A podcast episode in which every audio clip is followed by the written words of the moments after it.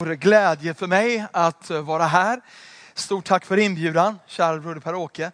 Eh, fantastiskt roligt att få komma och börja det här året, inte minst i bön tillsammans. Det finns inget vackrare sätt att markera kristen enhet och att vi står tillsammans än att vi ber tillsammans. Börjar vi i någon annan ände så blir vi kyrkopolitiker allihopa och det har inte världen eller Gud någon glädje av. Men börjar vi i bönens ände då kan vi hitta varandra i Herren. Då kan vi hitta en enhet och en gemenskap som inte innebär att vi behöver vara likadana eller se ut på samma sätt, utan vi kan vara lemmar i en och samma kropp. Men vi kan känna igen varandra, hitta varandra i den heliga Ande. Och det tror jag är vad, vad Herren vill med den här dagen och vad Herren vill med det här året också. Och jag ska bara återgälda, jag är så glad för att få komma hit. Så glad för att få samarbeta för Guds rike vidare tillsammans som församlingar. Och också eh, pastor Per-Åke, att, att eh, under det här året också få eh, skapa och gräva riktigt härligt en, en ny skön härlig vänskaps och brodersrelation oss emellan. Uppskattar det enormt mycket och tacka Gud för dig och för hela den här församlingen. Så ehm, inför den här kvällen här nu så har jag bett och sökt Herren och, och, bara frågat honom om ett ord att dela tillsammans med er och bara vara till uppmuntran både personligen och också för den här församlingen. Och faktum är att, lite förvånande, så gick mina tankar plötsligt tillbaka en massa år till en tidsperiod när jag jobbade i en ny generation och plöjde igenom det här landet och uppmuntrade ungdomar till att be för sina skolor och stå upp för Jesus i skolvärlden. Och till ett budskap som jag inte liksom haft riktigt levande hjärtat på många år, men som jag kände bara vaknade till liv på ett sånt härligt sätt inför den här kvällen. Så jag tänkte, vaknar det till liv i mig så är chansen stor att det vaknar någonting i dig också. så jag skulle vilja dela med dig ikväll här om, eh, om levande tempel. Se om tekniken funkar här, ska vi se. Hoppa tillbaka ett steg. Ja, om inte tekniken är med oss riktigt ikväll så, så är Gud med oss i alla fall. Kan du säga levande tempel? Jag har ju varit mycket i Jerusalem, vi har ju eh, eh, bibelskola där nere och ett arbete som jag också vet att ni delar i den här församlingen, ett hjärta för Israel och för det judiska folket. Och vid många tillfällen så har jag varit nere där i Jerusalem, talat och undervisat och också tillbringat mycket tid på de heliga platserna i Jerusalem. Och vid ett tillfälle för en massa år sedan så var jag där med min fru Maria, eh, som jag för övrigt då är, är gift med en väldig fördel och väldig styrka att vara gift med sin fru faktiskt. Det, det, har funkat väldigt bra i 27 år och det kommer att funka resten av hela livet också. Så det, det känns väldigt stabilt på det sättet. Jag är unik på det sättet att jag är gift med min fru. Det blev väldigt djupt här ikväll känner jag. Så jag och Maria i alla fall, vi var nere i Jerusalem och vi gick omkring nere vid, vid tempelplatsen där vid västra muren. Och så råkade, eh, vi var där på en fredag eftermiddag och rätt som det var så började, så det började ljuda signaler och, och det, det, vi uppfattade som larm, bomblarm eller liknande. Men det var ju bara sabbaten som, som blåstes in och så såg vi då när vi stod där nere hur människor började strömma ner mot muren och hur de började samlas där nere i tusentals för att be och söka Herren. Och jag blev så gripen i mitt hjärta över den, den eh, böneintensiteten som de bar. Och jag blev påmind igen om hur viktig och hur dyrbar den här platsen var och är för det judiska folket.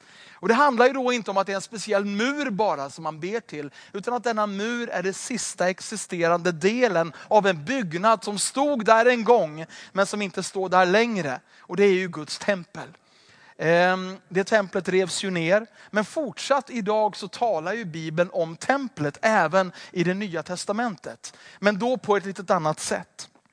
Men det intressanta som jag vill börja med här och läsa tillsammans med dig från andra krönikeboken 7, vers 15 till 16. Det är vad Herren säger till Salomo alldeles efter det att de har öppnat och invigt det här templet. Och han talar om ord som kanske för oss nytestamentliga troende låter som lite grann vardagsmat. Men för judar på den tiden måste varit fullkomligt och fullständigt revolutionerande. Han säger, mina ögon ska nu vara öppna och mina öron lyssna till vad som beds på denna plats. Jag har nu utvalt och helgat detta hus för att mitt namn ska vara där till evig tid och mina ögon och mitt hjärta ska alltid vara där. Och Det här låter ju som någonting som är ganska självklart för oss. Vi är vana vid att genom Jesus Kristus är vägen till Fadern öppen. Och du och jag kan komma när vi vill och vi kan komma och göra vårt hjärta, eh, vi kan tömma vårt hjärta, vi kan göra våra önskningar och våra böner kunniga inför honom. Det är en del av vår andliga vardagsmat. Så till den grad att vi ibland behöver nypa oss i armen lite grann och påminna oss om vilken enorm storhet som ligger i löftet och möjligheten att kunna komma inför din Gud och utgjuta ditt hjärta i bön inför honom. Det judiska folket fram till den här punkten hade varit vana vid en verklighet då Gud visserligen ibland dök upp, men man visste inte när och man visste inte var och man visste inte inför vem. Hade du tur var du på rätt plats i rätt tid och fick ett gudsmöte. Men det fanns inga löften, inga garantier.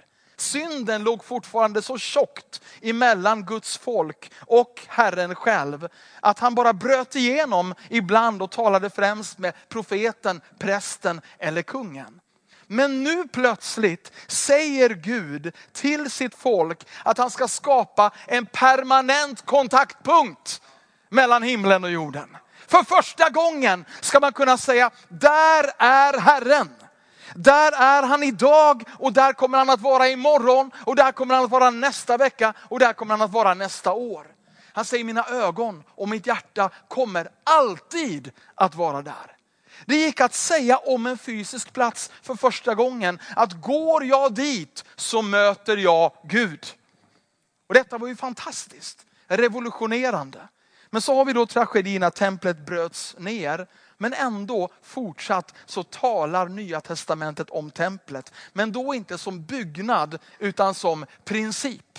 Och de löften som var kopplade till templet i gamla testamentet överförs nu på någonting annat. Men det är fortfarande och fortsatt samma löften. Och det är framförallt två saker som är det nya testamentets tempel. Och det första talar Paulus om i första Korinthierbrevet kapitel 6. Se om det går att... Ser man det där? Om man har uttydningens gåva. Jag läser det för er i vilket fall. Första Korinthierbrevet kapitel 6 och vers 19. Paulus skriver, eller vet ni inte att er, er kropp är ett tempel åt den helige ande, nu är det starkt på allvar, som bor i er och som ni har fått av Gud och att ni inte tillhör er själva. Så det första Herren säger, det är att du, din kropp, din varelse nu är ett tempel inför Gud. Är ett tempel som på något sätt med andra ord ska likna templet i det gamla förbundet. Något av det som var sant om templet då och där i Jerusalem är alltså sant om dig här idag, du som troende. Och vad dessa kopplingspunkter är ska jag återkomma till. Men det är bara den ena sanningen. Du och jag som individer, som kristna, är idag den levande Gudens tempel. Kan du säga amen? Och så finns det också en sak till som eh, Paulus talar om som det nytestamentliga templet. Och det läser vi om i Efesebrevet kapitel 2. Efesebrevet kapitel 2 och vers 20 till 21. Efesierbrevet 2, 20-21. Här talar han om församlingen, den levande Gudens församling. Och han säger om församlingen att ni är uppbyggda på apostlarnas och profeternas grund, där hörnstenen är Kristus Jesus själv. Genom honom fogas hela byggnaden samman och växer upp till vad då? Ett heligt tempel i Herren. Så där och då på det gamla testamentets tid fanns det en fysisk byggnad i Jerusalem. Och den hade löfte om sig att här ska det finnas en permanent koppling mellan himmelen och jorden. Kommer du hit så möter du Gud. Men i det nya testamentet så finns det nya tempel. Dels var och en som sitter i den här lokalen. Du kan vara 14 år gammal och vara ett tempel för Gud. Du kan bära hans härlighet och du kan vara en mötesplats mellan Herren och din egen generation. Du kan vara 85 år gammal och du kan vara ett tempel i din generation. Och så är vi också tillsammans som församling ett Herrens tempel. Så både som individer och, och tillsammans som Guds levande församling är vi tempel. Och om vi då är tempel, både individuellt och som församlingar, så är, betyder ju det inte bara lite fin poesi från Paulus sida, utan också en levande andlig verklighet. Att det som var sant om templet där och då, det ska vara sant om våra liv här och nu. Och då vill jag bara ge dig tre stycken saker. Det finns mycket man skulle kunna tala om. Man skulle kunna utifrån det här gå in och tala om lovsångstjänsten som fanns i templet där och då och som ska leva och blomstra i våra liv också. Hade min fru varit här så hade hon säkert dragit in spåret i den riktningen. Men eh, nu är inte jag min fru så nu talar jag om lite andra saker. Det finns tre stycken saker, tre likheter som jag vill uppleva i ditt liv och som jag tror är viktiga också inför det här året som ligger framför. Som var sant om templet då och som bör vara sant om våra liv som individer och som församlingar här och nu. Och den första av dessa sanningar det är att templet var synligt. Kan du säga synligt? När Gud säger till David att det ska byggas ett hus som ska vara en kontaktpunkt mellan himlen och jorden. Och Davids son Salomo sedan får fullborda detta bygge, så är det ingen underjordisk bunker Gud ber dem om att bygga. Det är ingen liten grej i utkanten av stan. Det är inte någonting som är gömt i skogen, utan det är en högst synlig plats. Det är en plats som ingen som kom till Jerusalem skulle behöva undra ens en sekund. Vad är det där templet någonstans? Utan det stod där mitt i staden och dess dimensioner var så rejält tilltagna att ingen kunde undgå denna plats. Man behövde inte söka Gud, men om man ville söka Gud så skulle det vara uppenbart vart man skulle gå någonstans. Och precis samma sak tror jag Herren vill ska gälla för ditt liv det här året som ligger framför. Att du ska vara ett synligt tempel på din arbetsplats.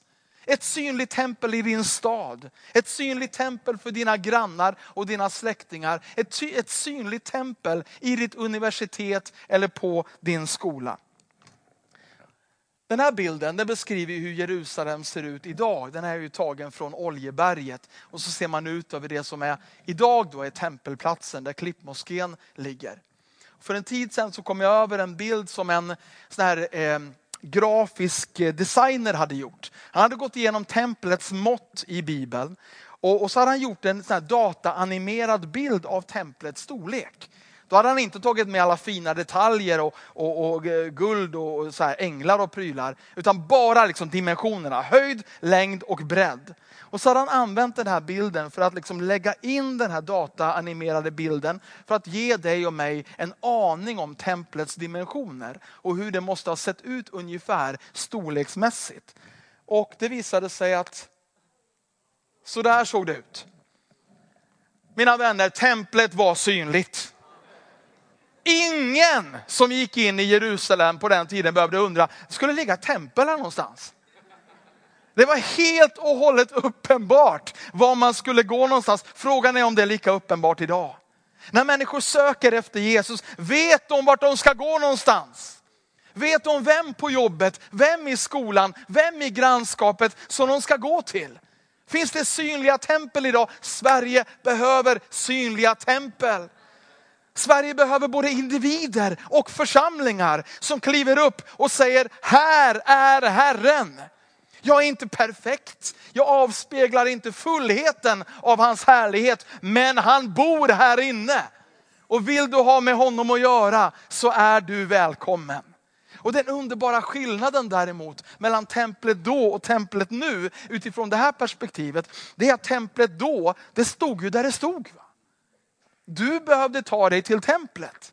Men idag har vart och ett av Guds tempel välsignats med ett par sådana här.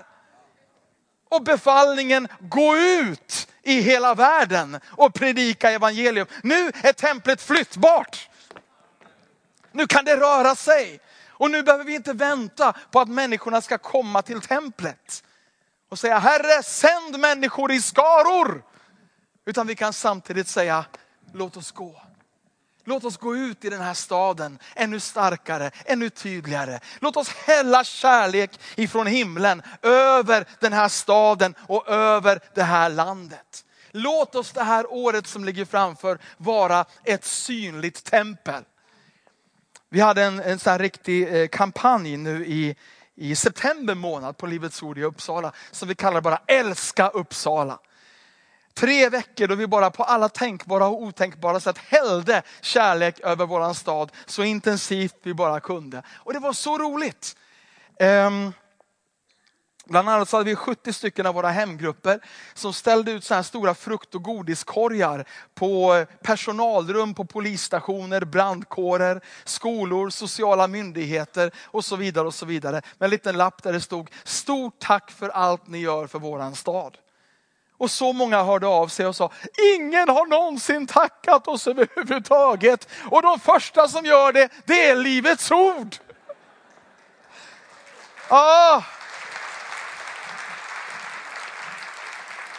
Och jag älskar det för jag vet att det där är inte bara en fruktkorg, det är en liten hint från ett synligt tempel. Det är en liten blink ifrån himmelen att du är dyrbar, du är värdefull och det sätter igång tankar som redan har funnits där inne. Som går betydligt djupare än vad en fruktkorg går. Amen. Vi hade en, en satsning på eh, i en av våra parker inne i stan då, då våra unga vuxna eh, servade studenter med bland annat att tvätta deras cyklar. Jag vet inte om du har varit i Uppsala, du är välkommen om du inte har varit det. Det cyklas mycket i våran stad. Och student, det är ju för att studenter inte har råd att köpa bil grundläggande. Och då tänkte vi, då, då är vi där. Jesus tvättade lärjungarnas fötter, vi tvättar din cykel. Så hade, han, hade vi cykeltvätt och cykelservice där i Jesu namn och så delade vi ut gratis kaffe då. Och så var det ett par affärsmän som kom förbi och såg att det hände någonting i parken. Och så gick de fram och så eh, bjöds de då på kaffe på en gång. Så vill ni ha en kopp kaffe? Vi delar ut det gratis här. Och det härliga är att svenskarna är så totalt oförberedd att, på att få någonting gratis. Det är ju en fantastisk möjlighet vi har i det här landet. Det, det, går ju rakt emot den svenska folksjälen att du ska få någonting gratis. Liksom. Underbar möjlighet för Guds rike. Så där stod vi och delade ut gratis kaffe och de här två affärsmännen frågade, vad, är det något speciellt event? Promotar ni något speciellt? Gör ni reklam för någonting? Nej, nej, nej, sa vårt folk. Vi är bara här för att sprida lite glädje och kärlek. Jaha, ni är från Livets Ord, så. Jag tänkte, är vi kända för det? Det är jag helt okej okay med. Vi har varit kända för många saker, men det här är jag okej okay med att vi är kända för. Jag hade en bioreklam också. Vi körde under tre veckors tid en bioreklam som gick 1530 gånger på, på olika filmvisningar under, under, eh, eh i Uppsala. Och det var ett litet nytt grepp då. Folk var inte riktigt vana. De hade inte garden uppe riktigt på att Livets Ord skulle komma från just den, det perspektivet. Så vi visade en liten filmsnutt som vi hade klippt ihop om en totalt uttråkad universitetsstudent som låg och kastade en pingisboll mot väggen och, och lät den studsa och fångade den och byggde små, små pyramider av, av eh, Treo-tabletter och bara totalt hade absolut ingenting att göra. Och så kom texten så här, det finns roligare saker att göra en söndag. Välkommen till kyrkan, Livets Ord. Och det var så roligt, vi hade ju lite folk ute och spionerade i biosalongerna bara för att känna på reaktionen. Och eh, folk skrattade ju i början och tyckte det var väldigt, väldigt roligt. Och så kom det här, det finns roligare saker att göra en söndag. Och folk skrattade på. Så välkommen till kyrkan. Då skrattar man lite lägre plötsligt. och så stod det Livets ord och dog allting. Och det var som att folk ville liksom bakåtskratta. Skratta bort det de hade skrattat tidigare. Så roligt tyckte jag inte att det var. Men vi såg en, någonting hända med människor. Så många kom till vår kyrka och de kom just därför att ett tempel hade blivit synligt. Det var någonting som hade kommit in i deras värld och berört dem på många olika sätt. Och ska vi göra någonting det här året så låt oss vara ett synligt tempel. Du som individ, du som troende i din värld och vi som församlingar. Låt oss göra Jesus synlig sedan kommer det alltid att vara upp till varje enskild människa. Vill jag gå i den riktningen eller inte? Men det var som eh, eh det var Billy Graham som sa det. Att det är okej okay om människor stöts bort av evangeliet om korset. Men det är inte okej okay om de stöts bort av vår brist på information av evangeliet om korset. Ska man stötas bort ska man stötas bort av rätt saker. Och vad Herren vill är att du och jag ska vara synliga tempel ambassadörer för hans rike under det här året.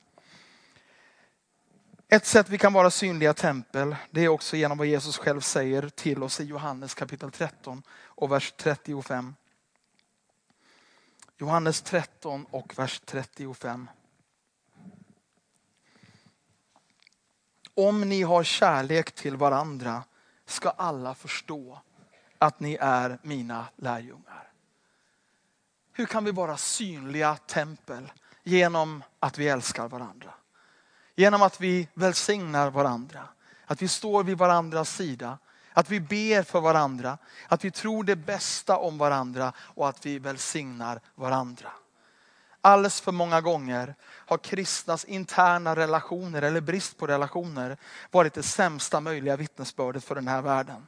Kan vi ändra på det på något sätt under 2015 så tror jag att det är välbehagligt inför Herren. Låt oss älska varandra. Låt oss stå tillsammans. Låt oss be för varandra. Låt oss tala väl om varandra. Och som Herren leder, låt oss samarbeta för Guds rikes bästa under 2015. Den andra likheten som jag tror att Herren vill att vi ska ha med det tempel som var templet i Jerusalem. Det var det faktum att templet var fyllt av bön. Kan du säga fyllt av bön? Guds ande kom inte till templet för att det såg bra ut. Guds ande kom inte till templet för att perfektionsnivån var så hög på allt som hände. Guds ande kom som ett gensvar på att det fanns bön i templet. Jesus säger i Lukas kapitel 19, välkända ord, att mitt hus ska vara ett bönens hus. Och sades det om templet där han själv stod när han uttalade de här orden, så gäller det dig och mig och det gäller våra församlingar inför 2015. Ska vi vara någonting så ska vi vara ett bönens hus. Och jag vill säga det till dig som är en van bedjare här ikväll, som har bön som ett naturligt flöde. Du har upptäckt de här strömmarna och du, har, du, liksom, du lever i dem. Fortsätt att leva i dem. Men jag vill också säga det till dig, för vilken, för vilken bön kanske är ett dåligt samvete. En, en gnagande dåligt samvete över någonting som du vet att du borde göra men inte gör. Vet du vad, det är inte mängden bön i första hand som Gud letar efter. Det är bara lite bön. Och om du inte ber överhuvudtaget, börja 2015 med att be 20 sekunder varje morgon. Bara du börjar någonstans så kommer Gud att öppna ett flöde på insidan av dig och så kan det bli mer och så kan det bli mer och så kan det bli mer och så kan det bli mer. Det finns bara en grundläggande regel när det gäller bön och det är fortsätt, fortsätt, fortsätt. Bara fortsätt! Bara be! Och jag tror att detta är någon av de viktigaste läxorna om bön som vi behöver lära oss i våran tid. För vi lever i en så fruktansvärt otålig tid. Att får vi inte omedelbara resultat, märker vi inte skillnader på en gång, då är det så lätt att vi lägger av. Men Gud behöver bara trogna förebedjare. Sådana som fortsätter och fortsätter och fortsätter och fortsätter och fortsätter. Under mina år med, med Ny Generation så hörde jag jättemånga härliga vittnesbörd från eh, skolgrupper som hade bett och sett fantastiska resultat.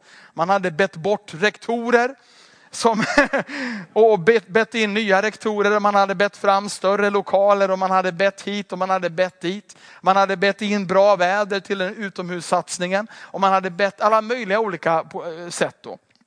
Det man hörde, det var ju ofta de här liksom omedelbara vinstlotterna. Va? När man hade bett och så pang hade det kommit ett omedelbart bönesvar. Men det som gladde mig nästan allra mest, det var när jag hörde de här vittnesbörden som inte handlade om ett omedelbart bönesvar. Utan om en lång böneprocess som inte alls hade varit enkel och inte alls hade varit självklar. Men där ungdomar hade fått fortsatt och fortsatt och fortsatt och fortsatt och de gav inte upp. Jag kommer ihåg en liten flicka som var 14 år gammal när hon började. Hon hette Cindy, kom från Singapore och hade en ny generationgrupp i, i sitt motsvarigheten till högstadium. Då. Det är fyra år där borta och inte tre som det är här. Och Cindy hade gått igång med en grupp i sin skola och börjat be om väckelse.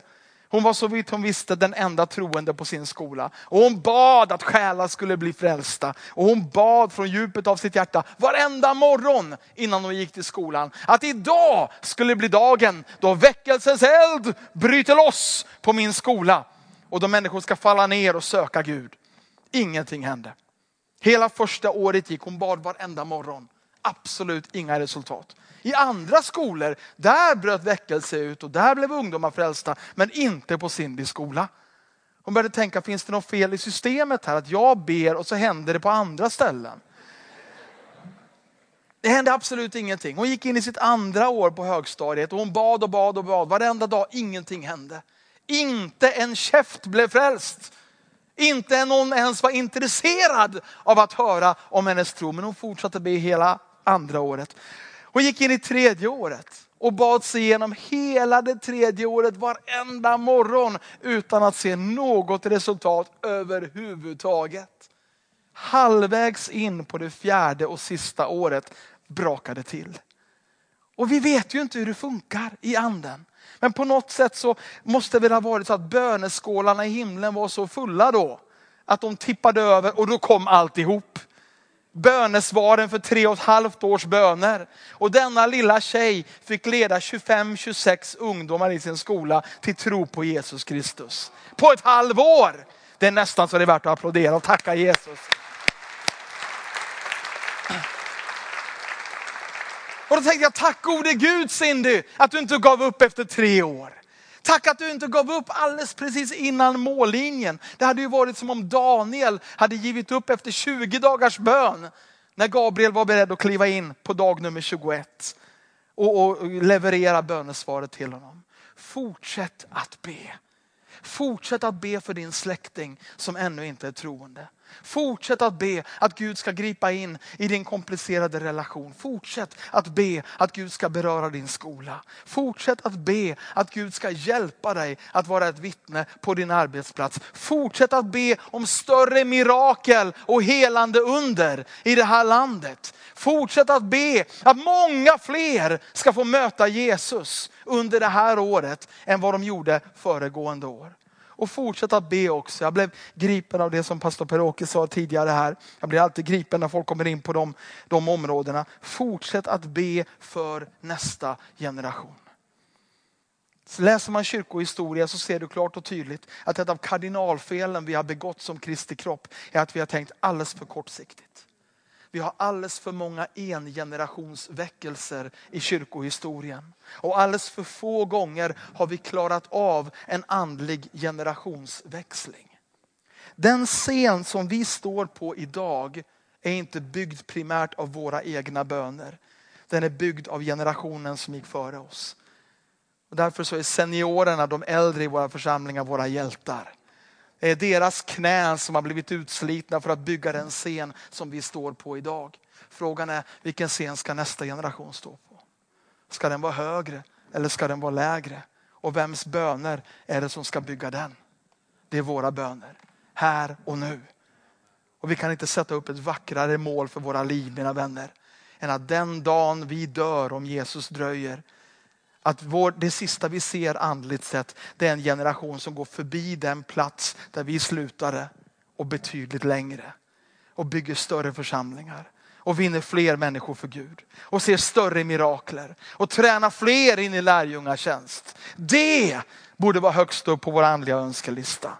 Att be om en större scen, en högre scen, ett utökat inflytande. Inte bara för oss i vår tid, utan för nästa generation efter oss. Kan du säga amen? Det sista jag vill dela med dig utifrån den här tanken på templet i Jerusalem och på dig och mig som tempel idag. Det är att templet var en plats för upprättelse av människor. Templet var en plats av upprättelse för människor. Första var templet var synligt. Det andra templet var en plats för bön.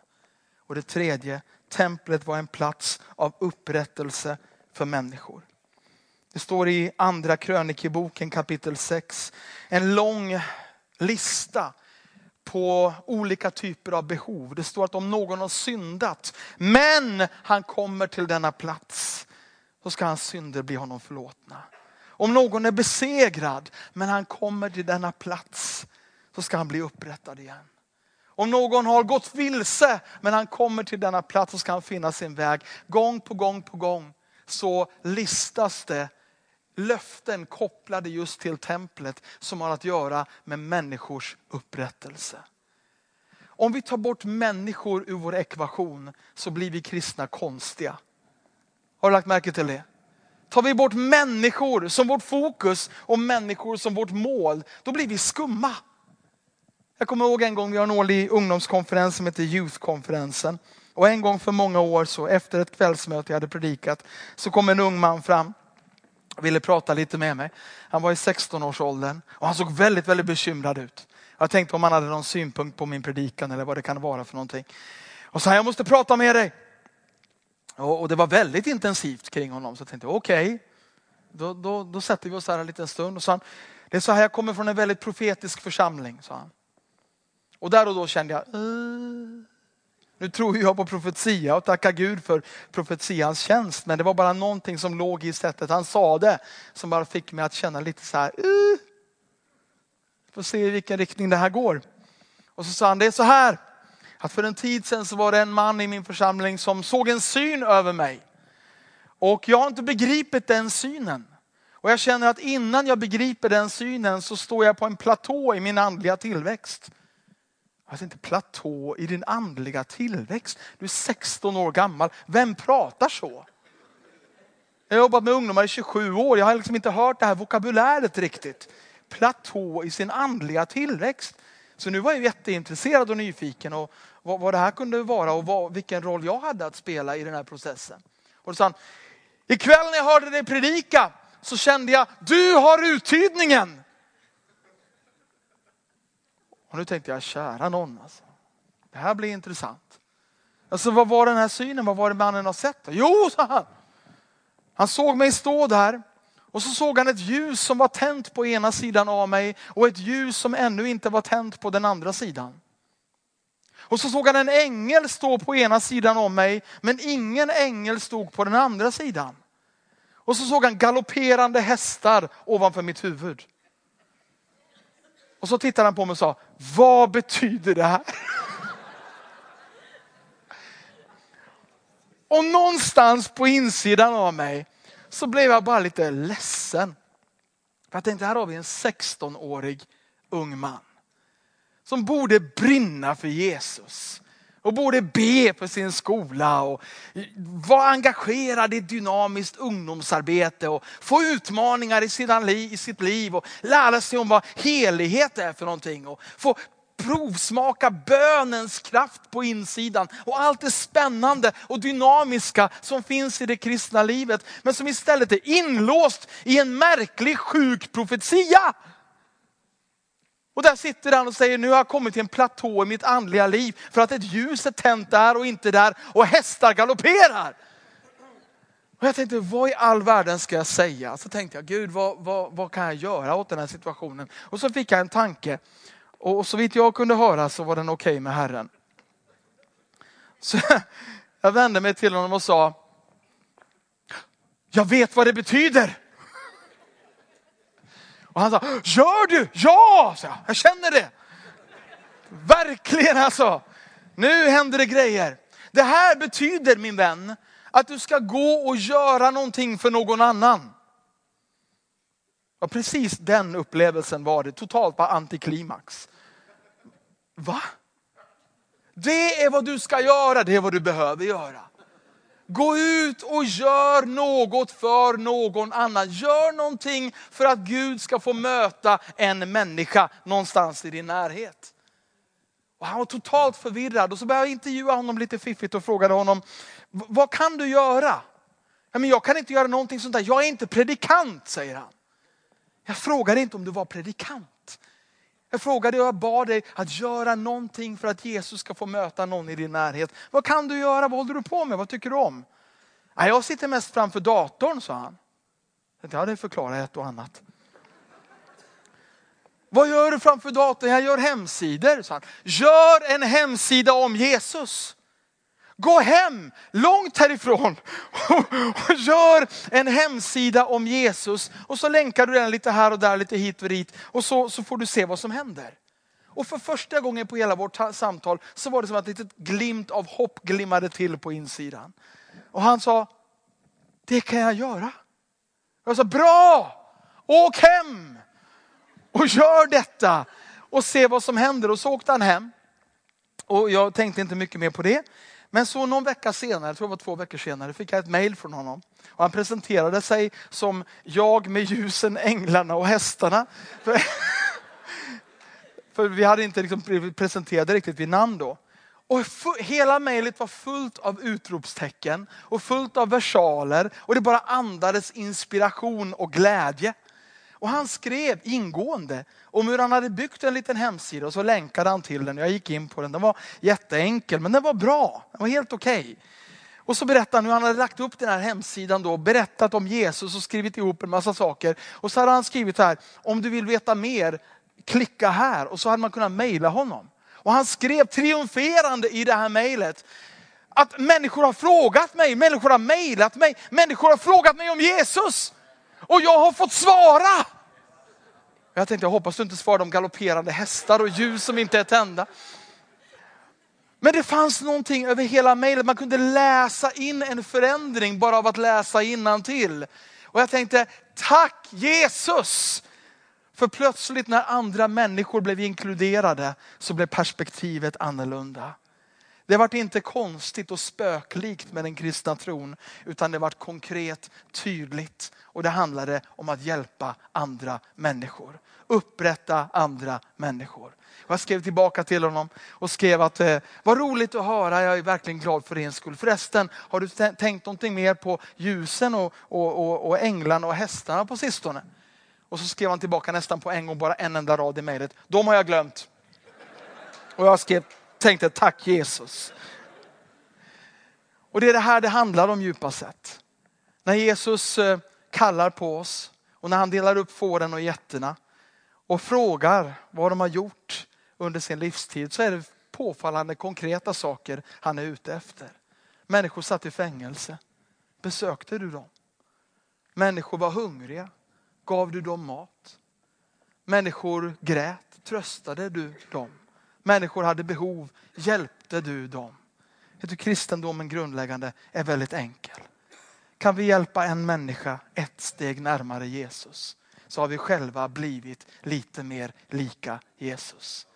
Vi har fått blicken lite mer bort från våra egna problem och våra egna behov och vi har blivit lite mer Kristus lika i processen. Kan vi ha det som en ledstjärna för 2015 så tror jag att vi, vår riktning inför det här året som ligger framför blir väldigt, väldigt bra. Kan du säga amen? Ska vi ställa oss upp en liten stund här i slutet och bara söka Herrens ansikte. Man kan få be lovsångarna komma upp också.